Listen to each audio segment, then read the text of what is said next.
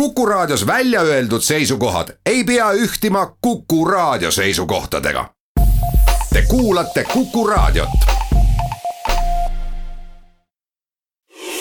kindlustusminutid tere päevast, head Kuku raadio kuulajad, alanud on viimane saade sarjast Kindlustusminutid, minu nimi on Andres Panksepp.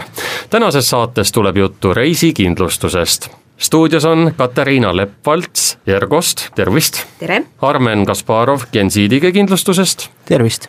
ja Joonatan Jõks Seesam kindlustusest. tere!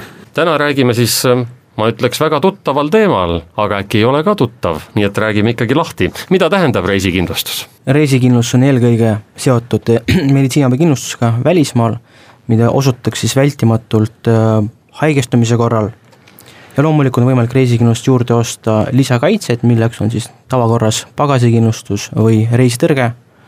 seltsiti oleneb ikkagi võimalik valida ka õnnetusjuhtumit, spordi, varustuse kaitset ja kõike muud kui kunagi selle reisikindlustuse eesmärk tõepoolest oli ainult kaitsta inimesi eh, reisil toimuvate õnnetusjuhtumite ja haigestumiste suhtes, siis kuna inimesed üha rohkem koostavad ise reisipakette ja satuvad probleemide kätte seoses sellega, et, et kas lennud hilinevad või tühistatakse, siis seda rohkem tegelikult ostetakse nüüd juurde ka reisitõrkekindlustust.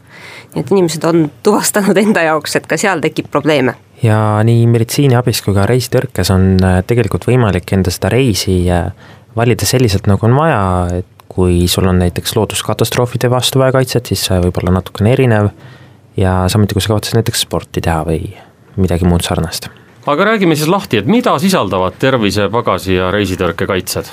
tervisekindlustus tavaliselt kaitseb inimest äh, ootamatu haigestumise eest äh, reisil. õnnetusjuhtumis tekkinud äh, tervisekahjustus või trauma, äge hambavalu, kroonilise haiguse ägenemine, need on tavalised juhtumid. ja kõige halvemal juhul ka surnukeha Eestisse tagasi toomine ja reisikindlustuse puhul, nii nagu kõikide teiste kindlustusliikide puhul, on alati ikkagi see, et me räägime kõikidest ootamatutest ja ettenägematutest sündmustest, et mina lähen küll alati oma sellise lemmikteema juurde, et millal siis oleks õige aeg see reisikindlustus sõlmida, et inimesed tavaliselt ikka, ikka kiputakse ära unustama see õige aeg ja ostetakse see kallis reis ära ja siis kas unustatakse ära see, see pisike summa või siis tahetakse selle pealt kokku hoida, nii et alati minu poolt küll kindlasti soovitus võtta seda reisikindlustust kui ühte reisi osa turupraktika on üldiselt selline, et kui sa reisitõrjekindlustuse ostad, siis tavaliselt on see ooteaeg seitsekümmend kaks tundi, mõnel seltsil ka rohkem, ja selle aja jooksul kõik juhtuvad juhtumid tavaliselt ei ole kaetud, ehk siis kui sa seitsmekümne kahe tunni jooksul näiteks haigestud, siis kindlustushüvitist ei saa. oletame, et, et sa plaanid oma reisi kuue kuu pärast, siis ei tasu seda reisi hakka, reisikindlustust hakata sõlmima nädal, kaks või isegi kolm enne. sa peaksid mõtlema selle peale koheselt, kui sa oled pileti ära ostnud või näiteks hiljemalt, kui sa oled hotellipileti, hotelli ära broneerinud, ehk siis kuus kuud varem ostad piletit, kuus kuud varem ostad ka reisikindlustuse. ja nii sa tagad nii endale kui oma perekonnale äh, parima võimaliku kahjukäsitluse juhtumi toimumisel. mida pagasi kindlustamise kohta olulist öelda? pagasikindlustusega saab reisija kaitsta enda asju, mis reisile kaasa võtab, sellistest sündmustest nagu näiteks vargus või rööv, hilinemine välismaale ja samuti ka kahjustumine või hävimine. siin Ergo näitel ma võin küll öelda, et, et äh, kõige rohkem meil tuleb kokku puutuda ikka selliste esmatarbekaupade soetamisega seoses sellega, et kohvrid jäävad hiljaks. siis on inimesel võimalik mingisugune summa sellest pagasikindlustussummast arvestada esmatarbekaupade soetamiseks. ja esmatarbekaupade hüvitamise puhul me räägime siiski me lähtume nii-öelda sellest reisi eesmärgist, et alati me ei saa öelda, et see hüvitis on ilmtingimata mingisugune T-särk ja, ja, ja rannaplätu, et äh, kui sa lähed ikkagi konverentsile, lähed konverentsile tõepoolest, siis sa pead mõtlema, millise pagasikindlustussumma sa valid, et see esmatarbekaup oleks sul siis võimalik seal soetada, särk, pintsak, või sa lähed kusagile kontserdile, tahad mingit pidulikumat kleiti osta, et siis sellega seoses tuleb arvestada kindlasti ka selle reisikindlustuse, pagasikindlustuse summa valikuga ja tõrke puhul meil ilmselt jäi äh, tegelikult rääkimata seda, et tõrke puhul me siis pakume, enamasti seltsid pakuvad nagu kahte kaitset, nii reisi ärajäämise vastu kui ka reisi katkemise vastu. et juhul, kui siis tekib seal reisil olles juba mingisugused olukorrad, miks ei saa õigel ajal, kas äh, siis äh, lennud hilinevad ja sellest tulenevalt tekivad mingisugused täiendavad kulutused, või mingisuguse ootamatu olukorra pärast on vajalik näiteks reisilt varem tagasi tulla omalt poolt täiendaks pagasi koha pealt seda, et, et tõesti kõige sagedasem juhtum ongi pagasi hilinemine, aga väga tihti juhtub ka pagasivargust või röövi. üha sagedamalt puutume sellega kokku, et, et midagi varastatakse ära, kas siis kui pagas on ära antud lennufirma kätte või siis tänaval kõndides keegi teeb sulle kotijooksu. kadu, noh varastatakse ära sisuliselt need dokumendid, mis seal kotis on, see kott on sul tavaliselt hingelähedane ja ka kallis ja asendusdokumendi vormistamine välisriigis ei ole odav lõbu, see võib su seda reisi viivitada, tekivad lisakulutused majutusele ja ka tagasitranspordile, et, et see pagasikindlustus ka aitab ka selle vastu tegelikult. aga mida reisikindlustus ei hüvita, räägime neid näiteid ka. kui seda reisikindlustust ei ole nagu õigel ajal ostetud, siis mis võib-olla pagasi puhul siin välja tuua seda, et, et kui elektroonika on paigutatud äraantavat sisse pagasisse, siis erinevatel kindlustusseltsidel võivad olla siin küll erinevad tingimused mm, -hmm. aga mhm. näiteks Ergo näitel ma võin öelda, et et sellised juhtumid hüvitamisele ei kuulu. meditsiiniabist võib näiteks ja. Äh, tuua näiteks äh, ohtlikumad tegevused, nagu näiteks langevarjuhüpped, mootorsport, mägironimine ja kui, kui kindlustusleping sõlmida, siis äh, tavaliselt tasub kas siis ise väga täpselt läbi mõelda, kui näiteks äh, e-kanalis sõlmida see leping või siis näiteks kindlustusnõustajaga täpselt läbi arutada seda, et millega seal reisil kavatsetakse tegelema hakata. et kas sa lähed suusareisile või on mingi sukeldumisreis või, või sa lähed lihtsalt niisama puhkusereisile. et sellest oleneb kindlasti mingil määral selle kindlustuslepingu maksumus, aga samas sa võid arvestada, et kõik need vastavad riskid, mida sa oled sinna teada andnud, on sul ka kaitstud, kui sul mingisugused juhtumid sellega seoses on. no ma loen veel siit materjalidest, et alternatiiv alternatiivmeditsiin ei kuulu hü-, hüvitamisele, mis see tähendab siis, et äh, kui mul on sellised huvid ja ja ma lähen, äh, võtan sellist äh, nii-öelda seanssi või, või ravi, et et siis see nagu ei ole selle kindlustuse all käib? no ütleme nii, et kui on seljavalud ja sa tahad endale nõelaravi saada, siis paraku see tõesti ei kuulu hüvitamisele, sest me ikkagi hüvitame asju, mida tavaarst suudab selgeks tehi-, selg-, selgeks teha ja sellele ka diagnoosi panna ja mingisuguse raviplaani koostada loomulikult me ei väida, et nõelaraviga ei et ole võimalik, et see ei ole ravi, kuid siiski me lähtume sellest äh, dokumenteeritud diagnoosist. kuidas sellega on, kui ma prillid ära kaotan reisil ja mul on neid vältimatult vaja, läheb see selle alla?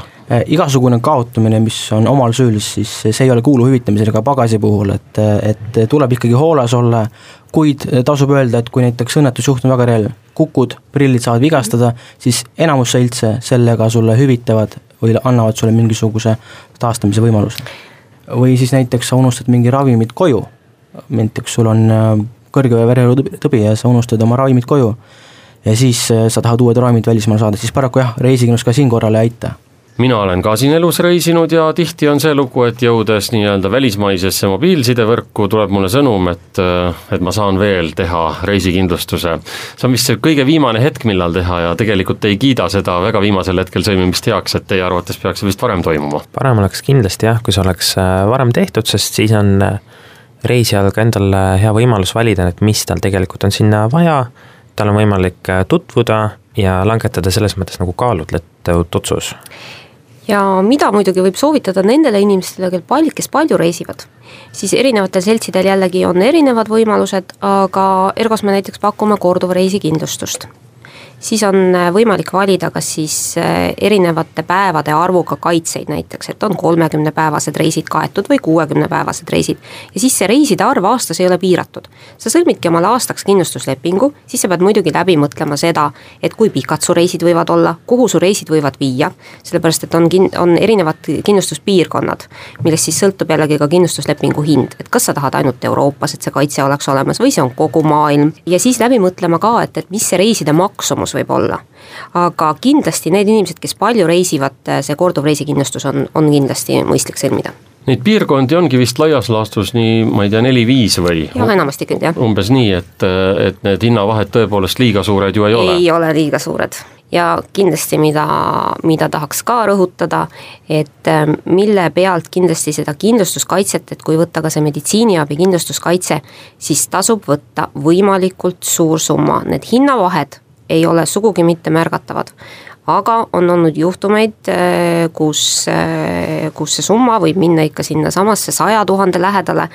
et äh, kindlasti, kui minna näiteks kuskile mm, Euroopast välja reisima, siis võiks mõelda selle peale, et alla saja tuhande seda meditsiiniabi kindlustuskaitset küll võtta ei maksaks mida veel silmas pidada reisikindlustust tehes, milliseid näiteid teil veel praktikast tuua on?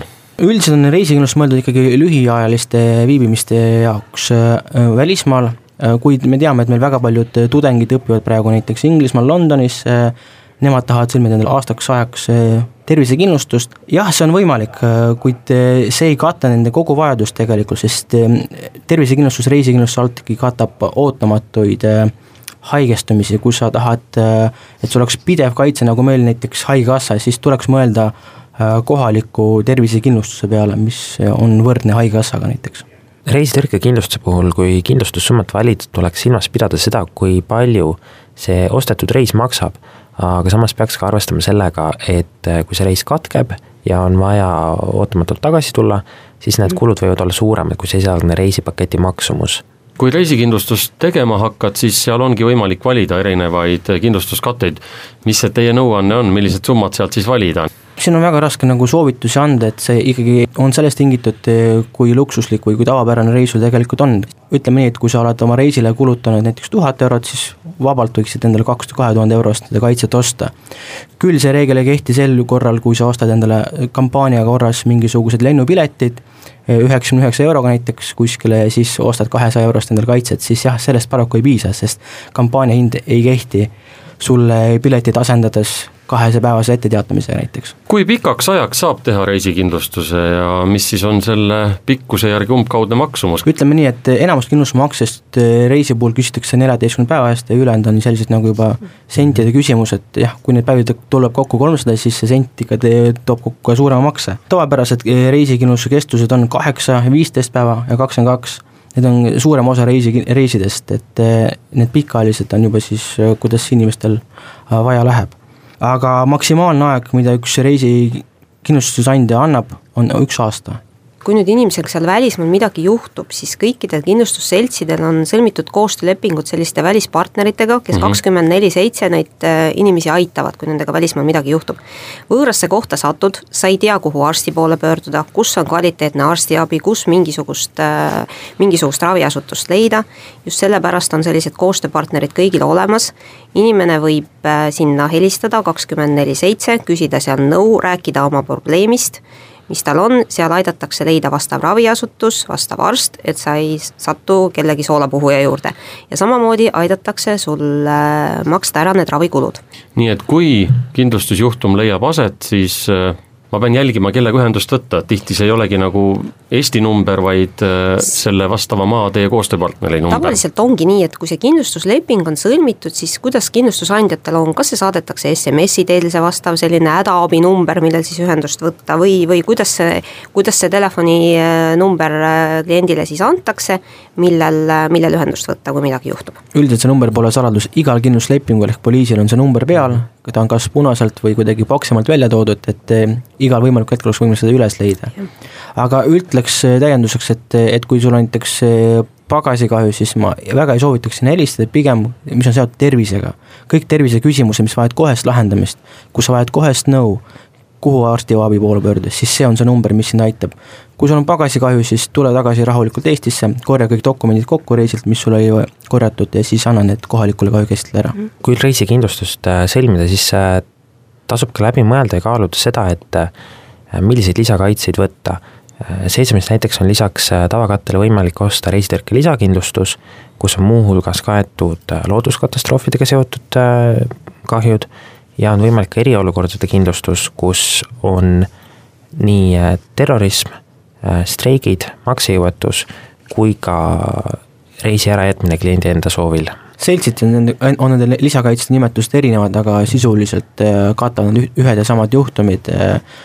Kuigi on tõsi, et jah, osad seltsid selliseid lisavõimalusi ei paku, kuid ka Gensidiges on need kaitsed olemas kui sa hakkad endale koostama reisikindlustuspaketti, siis äh, alati võta endale tervisekindlustus, pagasikindlustus ja reisitõrkekindlustus. kõiki muid kaitseid sa võid endale lisaks kombineerida vastavalt oma reisivajadustele, aga need kolm peaksid sul alati valitud olema. ja mida varem sa selle teed, seda parem seda palju, head kuulajad, juttu reisikindlustusest, stuudios olid Katariina Lepp-Valts, Ergost, Armen Kasparov Gensidige kindlustusest ja Joonatan Jõks Seesam kindlustusest.